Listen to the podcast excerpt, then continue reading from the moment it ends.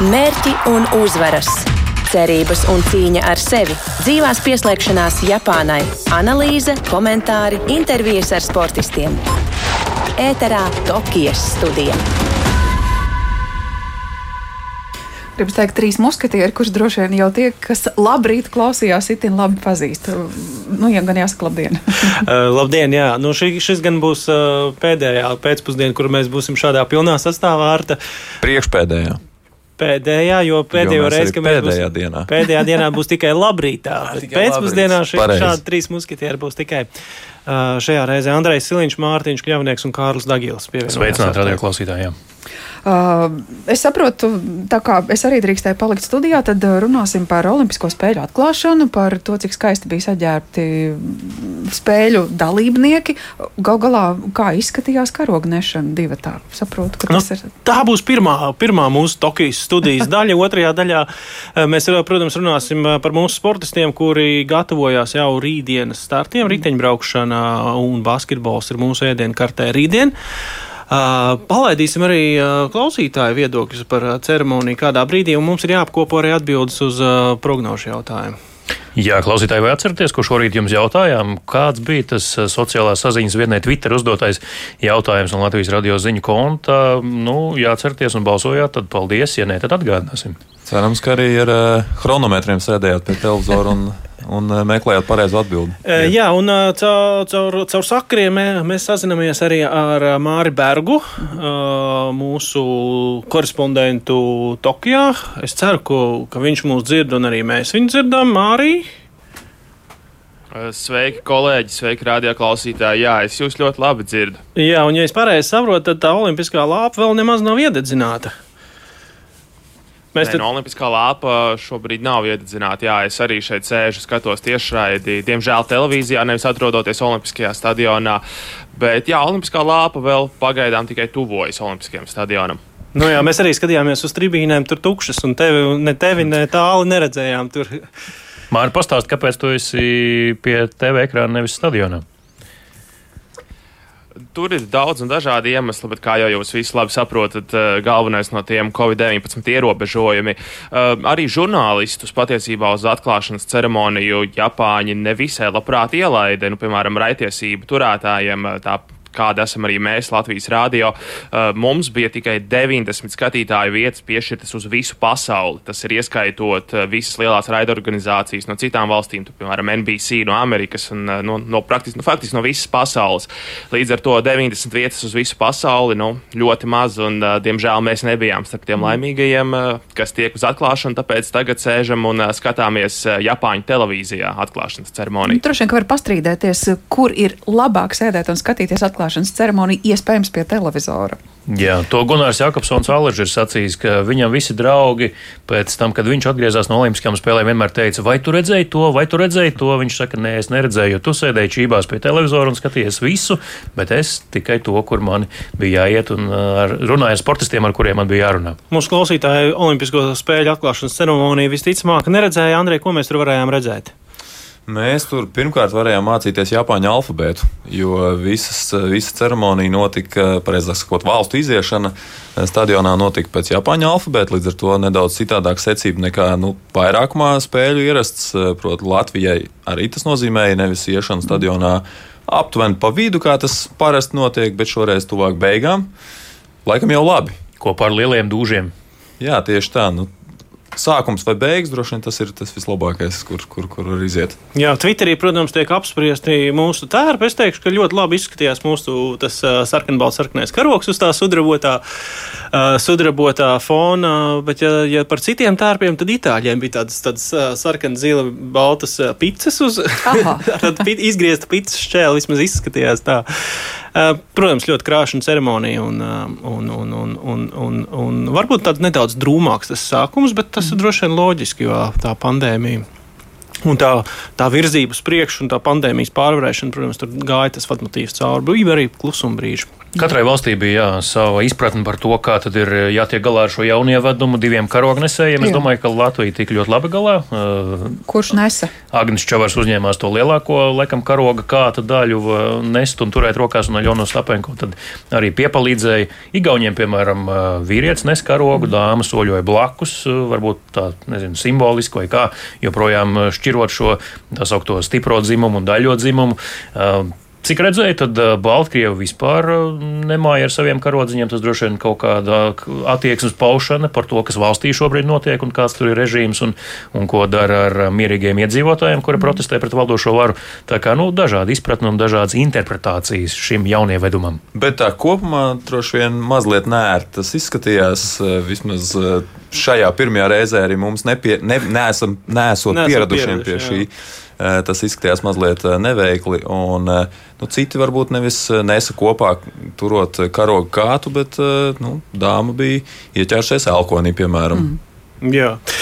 Spēles ir atklātas, Imperators viņas at oficiāli atklāja, bet lāpa vēl nav iededzināta. Bet tie, kas no mūsu klausītājiem skatās vēl ar vienu šo te, mm, atklāšanas ceremoniju, vienalga vai Latvijas televīzijā vai kur citur, jūs esat laipni aicināti arī padalīties savās pārdomās, emocijās par to visu 6722, 559, vai 6722, 888. Tādi ir mūsu tālruņa numuri, un droši varat zvanīt un piedalīties mūsu mazajā saruniņā. Olimpiskais mikrofons. Jā, tad vēlreiz 6722, 559, 6722, 888, Mārķis, kas tev vislabāk patika no ceremonijas? Es varu teikt, to, ka televīzijā ceremonija izskatījās ļoti krāšņi. Tīpaši šīs priekšnesums ar koku olimpiskajiem apļiem man ļoti patika. Tāpat arī pirms brīža demonstrētās piktogrammas, kur tika izspēlētas akrobātiski. Arī pirms tam vairāki, vairāk tiešām skaisti priekšnesumi, kur Japāņi nodemonstrē to, ka tā ir tehnoloģiju, jauno tehnoloģiju lielvalsts. Tā kā tiešām interesanti un kā jau tas bija sagaidāms, krāšņa, te, krāšņa ceremonija televīzijā. Nu, nevar pastāstīt, kā tas izskatījās klātienē, diemžēl. Iedrīkst piezīmēt, man patika, kā ir atrisināts uh, tribīņu izgaismojums, nu, radot nevis uh, monolītu viengabalainu krāsojumu, bet nu, tomēr iezīmējot dažādu to gaismojumu intensitāti. Tas man liekas arī Nu, protams, arī daudzās citās sacensībās jau mēdz iekrāsot kaut vai krēslus atsevišķos toņos, lai ir tā nevis viengabalainības, bet publikas iespējas. Un arī šeit tas šķita tīri patīkami. Jā, klausītājs mēs arī šorīt uh, aicinājām iesaistīties arī citā veidā ar jautājumu, ar prognožu jautājumu, cik ilgi rādīs Latviju televizora ekrānā atklāšanas ceremonijā. Es, es pašā, kad, kad sāku komandas iesoļot, es uzņēmu laiku Azerbaidžānai, bija 50 sekundes. Es domāju, būs vairāk vai mazāk, vai kā tas būs. Jo mēs bijām piedāvājuši četras variantus, nu, kas bija apmēram minūtes robežās. Ja mazāk par 20 sekundēm, 20, 40 sekundes, 40 minūtes un vairāk par minūti. Tā pareizā atbilde bija 28 sekundes, tad, tad otrā atbilde. 83 uh, cilvēki nobalsoja, un lielākais vairākums gan bija ļoti pesimistiski. mazāk, Domāju, par, mazāk, mazāk par 20 sekundēm. Kā... Tas sakrīt ar to, kā tas ir bijis vēsturiski. Apmēram ap to arī visu laiku ir grozījies 18, 23, 32 sekundes. Jā, nu, kā... no rīta tu iedevi šo informāciju klausītājiem, un līdz ar to noved nedaudz no ceļa. vainīgs, vainīgs. Jā, tā kā katru rītu mums būs šie olimpiskie jautājumi, un varbūt tiešām, ja mēs esam tādi pesimistiski, tad nu, šoreiz mums paveicās. Varbūt prognozējam, ka nebūs medaļu, un tad varbūt tomēr kāda būs. Nu, skaita ziņā jau varbūt esam vienkārši realistiski, zinot, cik liela ir delegācija un cik aši tā var aizsoļot garām kamerai. Jā, nu, mūsu kolēģis Reins apkopoja statistiku par iepriekšējām spēlēm. Albera Villā 20 sekundes, Barcelonā 12, Lillehammerē 21, Atlantā 25 un Nagano 30 sekundes. Starp citu, mm. diezgan daudz. Bet tur varbūt vienkārši ziemas spēlēs mazāk valsts, vairāk laika tam. Tā ir. Tā ir. Jā, nu, bet tas par, par vēsturi, tas arī par 20. gadsimta atklāšanas ceremonijām. Skaidrs, ka šī ir pavisam citāda atklāšanas ceremonija, jo šie ir citādi laiki nekā līdz šim visās olimpiskajās spēlēs, kas pieredzēts. Un tieši šobrīd arī stadionā, starp citu, klausītāji iesoļo arī olimpiskā lāpa, tas nozīmē, ka tūlīt jau arī olimpiskā uguns svinīgi tiks iedegta un olimpiskās spēles tiks pasludināts par atklātām. Bet Starptautiskās olimpiskās komitejas prezidents Tomas Baks savā uzrunā savukārt uzsvēra um, ļoti daudz par un ap lietas, kas saistīts ar Covid-19 pandēmiju un lūdza respektēt lēmumu, ka gan šī organizācija, gan arī Tokijas spēļu rīkotāji nolēma tomēr šīm spēlēm būt mm, tieši šobrīd un, un arī aicināja joprojām jā, ievērot, nu, kā sakot, cieņu pret šo lēmumu un, un respektēt to. Tiesa, šajā nedēļā parādījās arī informācija, ka spēles var tikt pārtrauktas, ja nu noiet viss šķērsām. Māri, kāda ir tā jaunākā situācija saistībā ar vīrusu Tokijas spēlēs? Sportisti ir inficējušies, ir visi ir veseli. Kāda ir mūsu delegācijā situācija? Nu, runājot tieši par šo ziņu, ka Tokijas spēles varētu pēdējā brīdī tikt atceltas, tad uh, mēs ar tāli tad, kad šo ziņu ieraudzījām, mēs kāpām lidmašīnā uz Tokiju tieši. Tāpēc tas, protams, radīja varbūt tādu nelielu satraukumu, bet tikai pavisam nelielu. Runājot par Covid situāciju, ir pa kādam gadījumam ir atsevišķi gadījumi citu valstu komandās mūsu, mūsu delegācijā pagaidām cerēsim, ka tā arī turpināsies. Nav Covid gadījumu. Nu, viens no tādiem, kas vistiešākajā veidā attiecas uz Latvijas delegāciju, ir Covid gadījums Čehijas izlasē, jo Čehijas uh, pludmales volejbolistiem pirmā spēle bija paredzēta tieši pret Mārtiņu Pļaviņu Edgaru Toču. Kāds būs šīs spēles liktenis, uh, to nezinām mēs un arī paši spēlētāji, ar kuriem vakar aprunājos. Nu, arī viņi vēl tobrīd to nezināja un nezina arī šodien.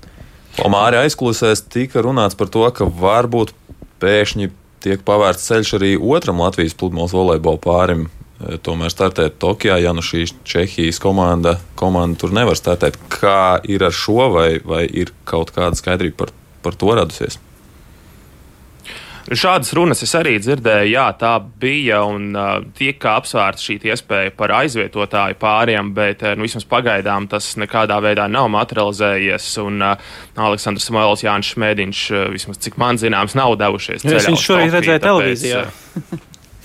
Nu, jā, nu, līdz ar to tad, acīm redzot, vismaz pagaidām tas tā nenotiks. Un Čehi katrā ziņā arī ļoti cīnās, lai, lai viņu spēle vismaz tiktu pārcelt uz vēlāku laiku, lai tiktu izmainīts nedaudz kalendārs grupu turnīram, vai arī meklēt kādu citu risinājumu, lai šī spēle nebūtu jāatcer pilnībā un tā notiktu kaut vai vēlāk. Jā, paldies, Mārta, par šo informāciju. Mēs uh, turpinājumā pievērsīsimies uh, mūsu uh, sportistu teiksim, tā, delegācijai un mūsu cerībai pirms tam izsātāpa. Tokijas studija.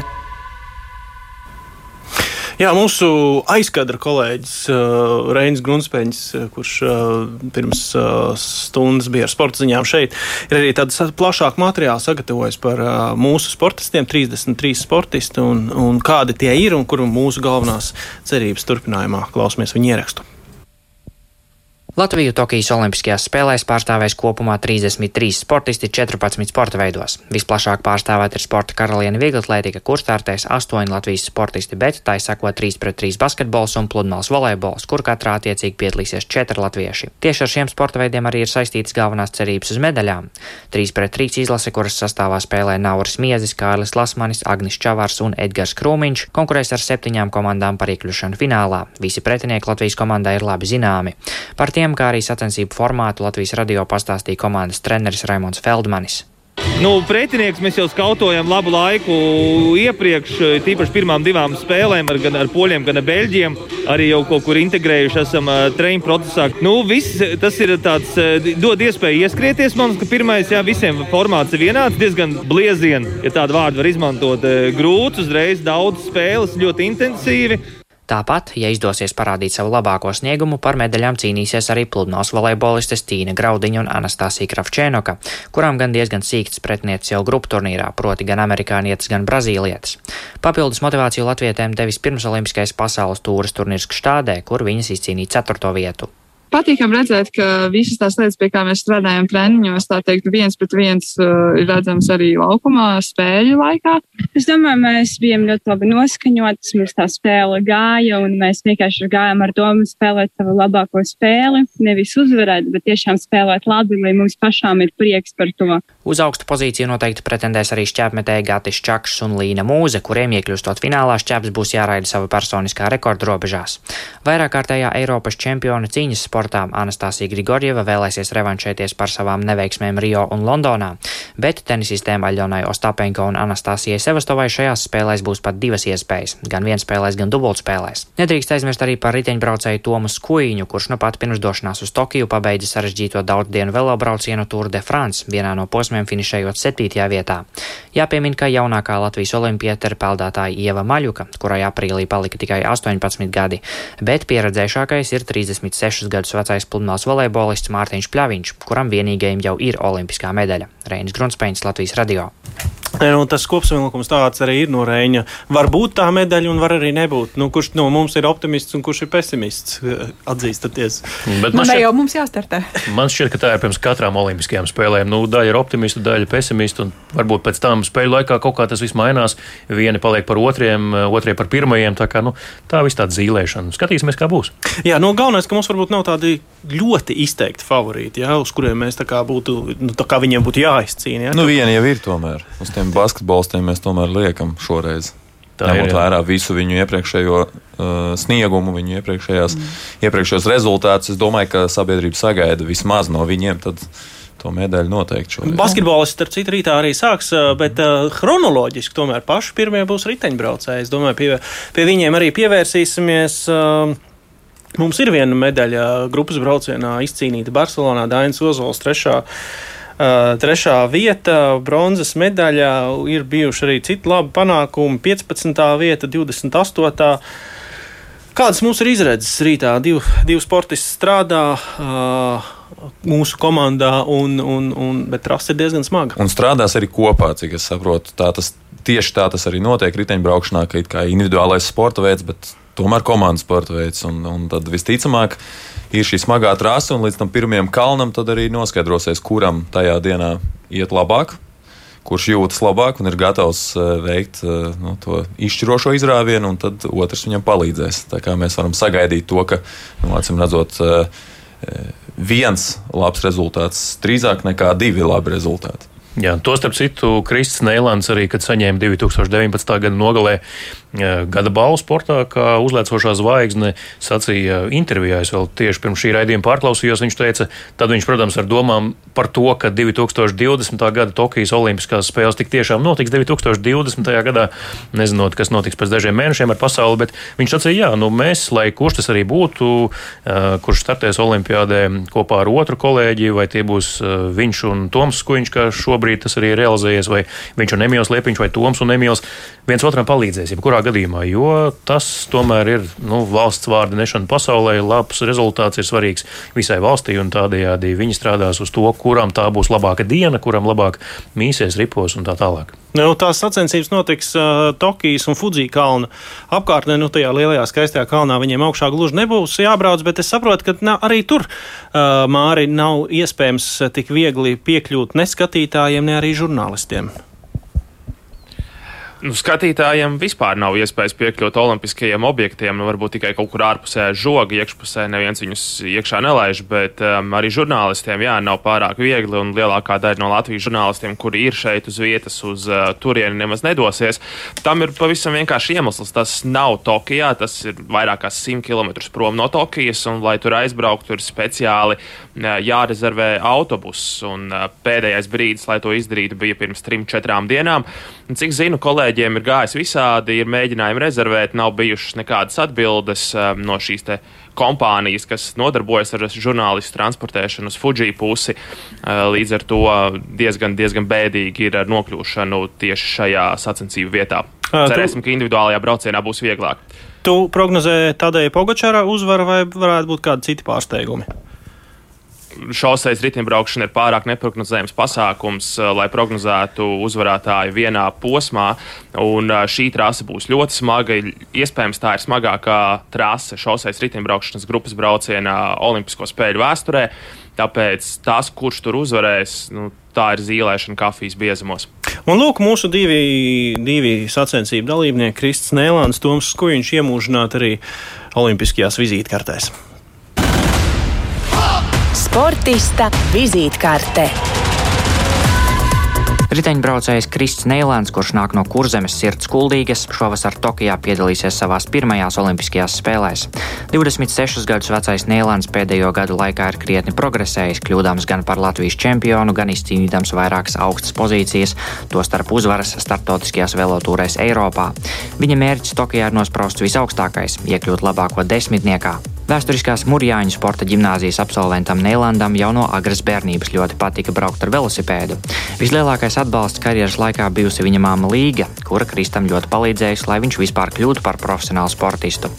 Viņš nebija no tiem supertalantiem, bet, kā mēdz teikt, talanti ir daudz, bet centīgu ir maz.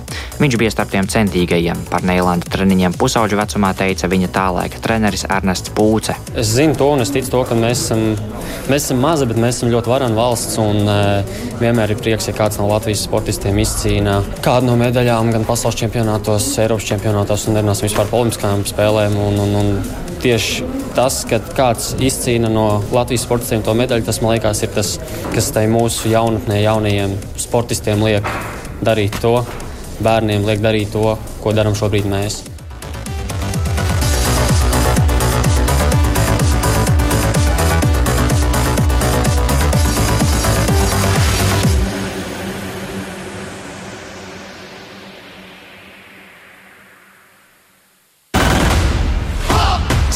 Sportista vizītkārte. Tikko pabeidzis vienu no sarežģītākajiem pārbaudījumiem pasaules sportā, proti finišējis 21 posmu garajā Tour de France velobraucienā, uzreiz tālāk arī uz Tokiju posās riteņbraucējs Toms Skuiņš. Viņam šīs būs otrās olimpiskās spēles karjerā, pirms pieciem gadiem Rio de Janeiro finišēdams 59. vietā. Kopš tā laika Toms ir ieguvis daudz lielāku pieredzi nozīmīgākajās sacensībās pasaulē, pērn Tour de France posmā finišējot otrajā vietā. Uz trīnieku viņš mērķēs arī Tokijā, kur 234 km garā trase klase Tomam būs diezgan parocīga. Skuiņš ir absolvējis Rīgas valsts pirmo gimnāziju, bet brīvajā laikā viņam patīk uzspēlēt arī hokeju. Olimpisko spēļu laikā par Tomu būs iznākusi arī režisora Roberta Vīksnes veidotā dokumentālā filma Carnikavas kalnu karalis. Es profesionālajai riteņbraukšanai sāku sekot tikai jau, varbūt 18 gadu vecumā, jo es tikai sāku nodarboties 15 gadu vecumā. Tas bija sākumā tīri tā, jautrības pēc ar draugiem pabraukāties. Un, uh, patrenēties. Tas nebija vairāk kā profesionāls mērķis. Jā, 18, 19 gados tad, eh, tad tas vairāk eh, es sāku koncentrēties uz to, ka jā, īstenībā tas ir kaut kas interesants, ko es varētu darīt, eh, varbūt arī profesionāli un pelnīt ar to naudu.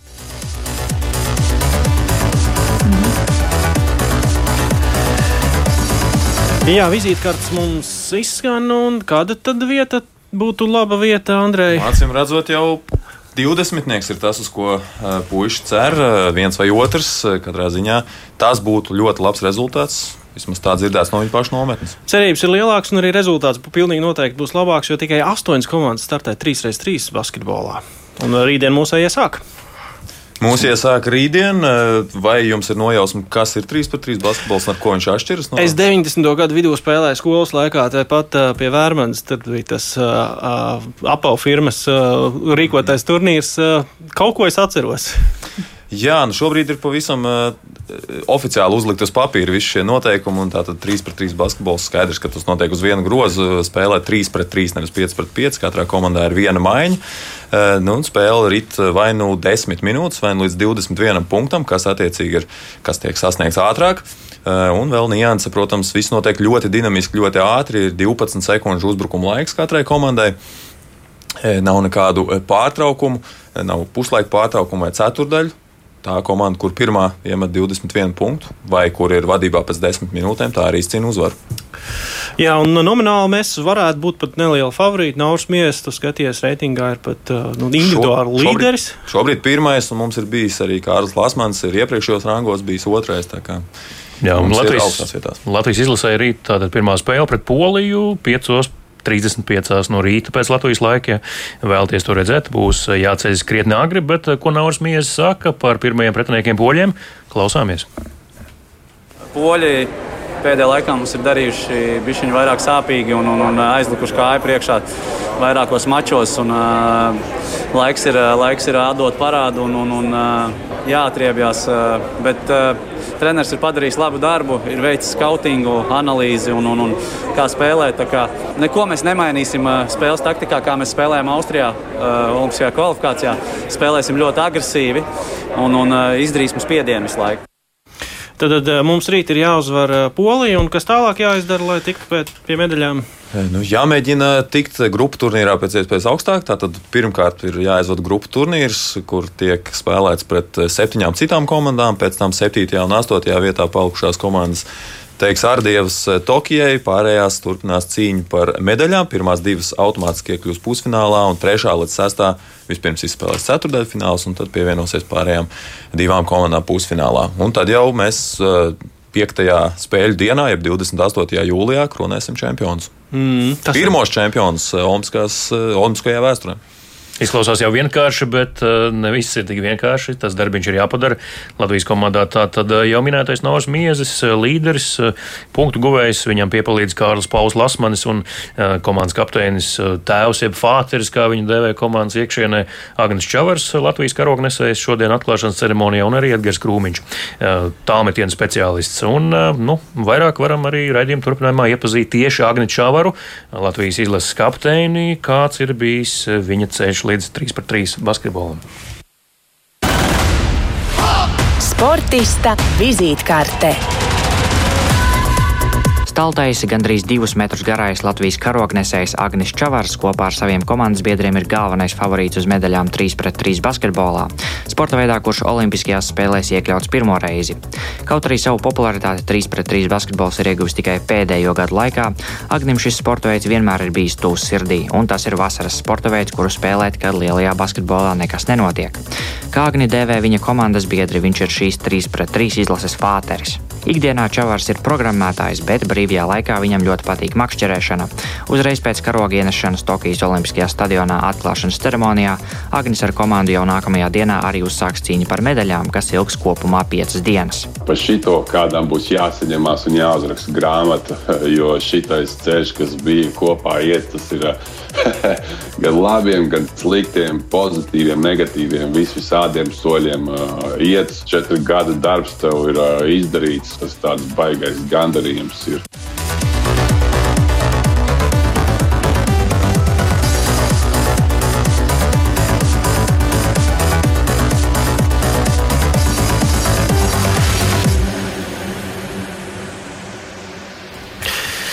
Jā, lūk, tātad divas lietas, kam ir jāsako līdzi rītdienai. Tātad riteņbraukšana 5.35 un divas spēles arī basketbolā Māri, uz kuru, kuru, kuru, uz kuru pusi tu dodies? Tu dodies kopā ar tālu uz basketbolu, vai jūs tur kaut kā esat sadalījuši tos pienākumus? Nu, redz, ja mēs varētu, tad mēs dotos abi uz basketbolu, ņemot vērā, ka uz Fuji tikt eh, neizdosies mums. Taču šajās spēlēs ir tāda nianse, ka uz katru olimpisko objektu, uz kuru tu vēlēsies doties, vai uz katrām sacensībām, pareizāk sakot, ir jāpiesakās, un tad ir jāsagaida atbilde, vai tu vispār tur drīksti doties vai nē.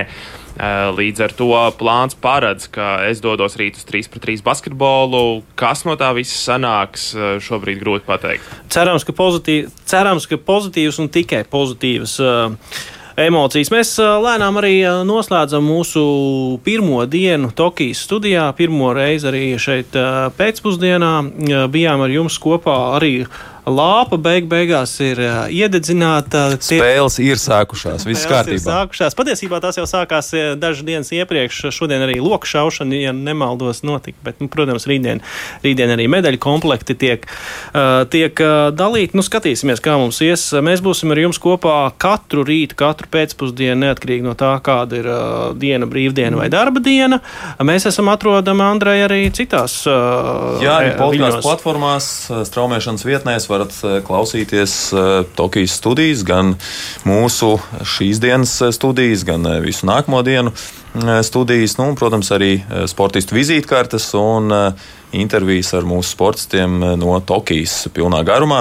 Arī tur var meklēt, un jau šobrīd tur ir atrodama arī intervija ar mūsu pludmales volejbolistēm Anastasiju Ekrafčēnoku un Tīnu Graudiņu. Tīnu Graudiņu Un, jā, Tā kā droši piesakojiet arī, arī, arī tajās platformās, kur jūs uh, klausāties podkāstus. Un noslēgumā nedaudz jautrības, Mārka. Kas tev tur beig beigās bija ar to ekipējumu? Kāds tev tur kaut ko bija pabojājis? Nu, tur sanāca tāds misēklis, teiksim, tā, šajās spēlēs, kā zinām, ir jāievēro divu metru distance. Līdz ar to mums visiem ir teleskopiskie kāti, izvalkami līdzi. Es arī biju uzstādījies, sagatavojies un gaidīju, kamēr Tīna Graudiņa, Anastasija Kravčēnaka pabeidz savu treniņu. Un tikmēr viens no kolēģiem pamanīja un nāca sasveicināties, bet nepamanīja manu kātu, kas tur gulēja zemē un uzkāpa uz tā. Nu, kāds ir mazliet ielausts, bet strādāt, Skaidrs, strādā. Nu, pagaidām. Mums ir jābeidz. Mums ir jābeidz, kolēģi. Ir 59 un 30 minūtes, tiekamies rīt.